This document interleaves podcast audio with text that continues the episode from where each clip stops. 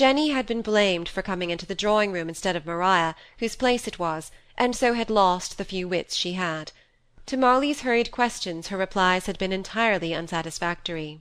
A man had come to the back door, she could not see who it was, she had not asked his name, he wanted to speak to master, master had seemed in a hurry, and only stopped to get his hat. He will not be long away, thought Molly, or he would have left word where he was going. But oh, the poor father all alone! And then a thought came into her head, which she acted upon straight. Go to James, tell him to put the side saddle I had in November on Nora Creina. Don't cry, Jenny, there's no time for that. No one is angry with you. Run. So down into the cluster of collected women Molly came, equipped in her jacket and skirt, quick determination in her eyes, controlled quivering about the corners of her mouth. Why, what in the world? Said Mrs. Gibson. Molly, what are you thinking about? But Cynthia had understood it at a glance, and was arranging Molly's hastily assumed dress as she passed along. I am going. I must go. I cannot bear to think of him alone.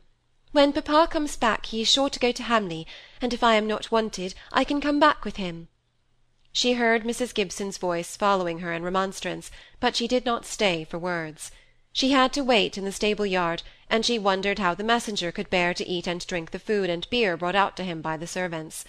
Her coming out had evidently interrupted the eager talk, the questions and answers and passing sharp to and fro, but she caught the words, all amongst the tangled grass, and the squire would let none on us touch him. He took him up as if he was a baby. He had to rest many a time, and once he sat him down on the ground, but still he kept him in his arms, and we thought he should never have gotten him up again, him in the body. The body! Molly had never felt that Osborne was really dead till she heard those words. They rode quick under the shadows of the hedgerow trees, but when they slackened speed, to go up a brow, or to give their horses breath, Molly heard those two little words again in her ears, and said them over again to herself, in hopes of forcing the sharp truth into her unwilling sense. But when they came in sight of the square stillness of the house, shining in the moonlight, the moon had risen by this time, Molly caught at her breath, and for an instant she thought she never could go in and face the presence in that dwelling. One yellow light burnt steadily, spotting the silver shining with its earthly coarseness. The man pointed it out. It was almost the first word he had spoken since they had left Hollingford. It's the old nursery. They carried him there. The squire broke down at the stair foot, and they took him to the readiest place. I'll be bound for it the squire is still there herself, and old Robin too. They fetched him as a knowledgeable man among dumb beasts, till the regular doctor came. Molly dropped down from her seat before the man could dismount to help her. She gathered up her skirts and did not stray again to think of what was before her. She ran along the once familiar turns and swiftly up the stairs and through the doors, till she came to the last. Then she stopped and listened. It was a deadly silence. She opened the door.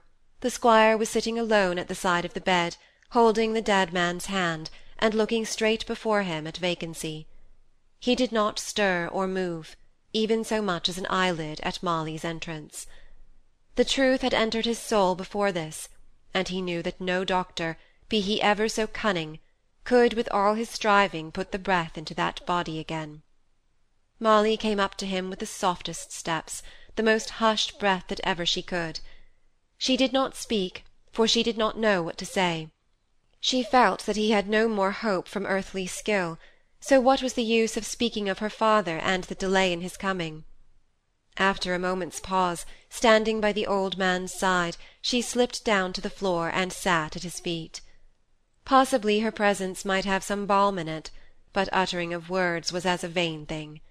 He must have been aware of her being there, but he took no apparent notice. There they sat, silent and still, he in his chair, she on the floor, the dead man beneath the sheet for a third. She fancied that she must have disturbed the father in his contemplation of the quiet face, now more than half but not fully covered up out of sight. Time had never seemed so without measure, silence had never seemed so noiseless as it did to Molly, sitting there. In the acuteness of her senses, she heard a step mounting a distant staircase, coming slowly, coming nearer. She knew it not to be her father's, and that was all she cared about.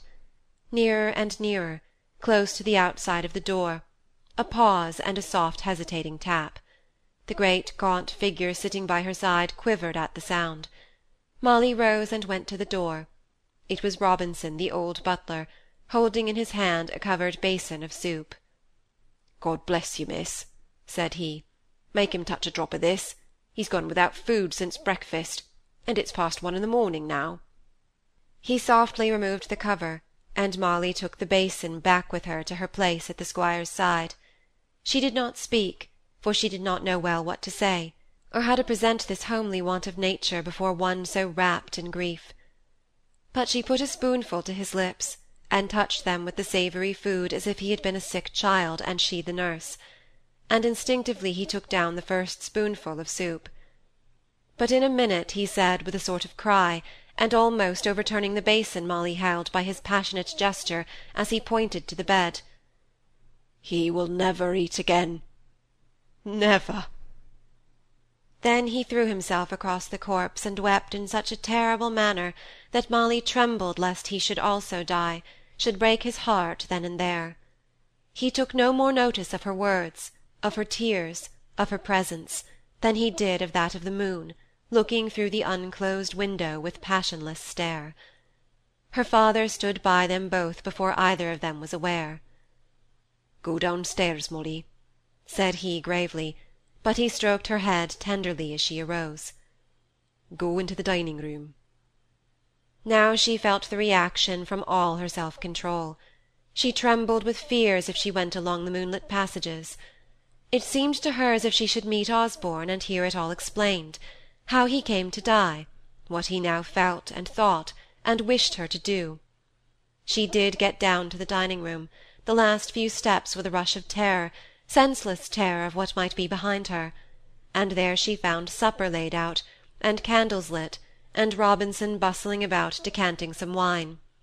She wanted to cry, to get into some quiet place and weep away her over excitement, but she could hardly do so there.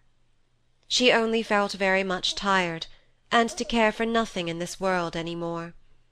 But vividness of life came back when she found Robinson holding a glass to her lips as she sat in the great leather easy-chair, to which she had gone instinctively as to a place of rest. "Drink, miss. It's good old Madeira. Your papa said as how you was to eat a bit. Says he, my daughter may have to stay here, Mr. Robinson, and she's young for the work. Persuade her to eat something, or she'll break down utterly. Those was his very words. Molly did not say anything. She had not energy enough for resistance. She drank and she ate at the old servant's bidding, and then she asked him to leave her alone, and went back to her easy chair, and let herself cry and so ease her heart.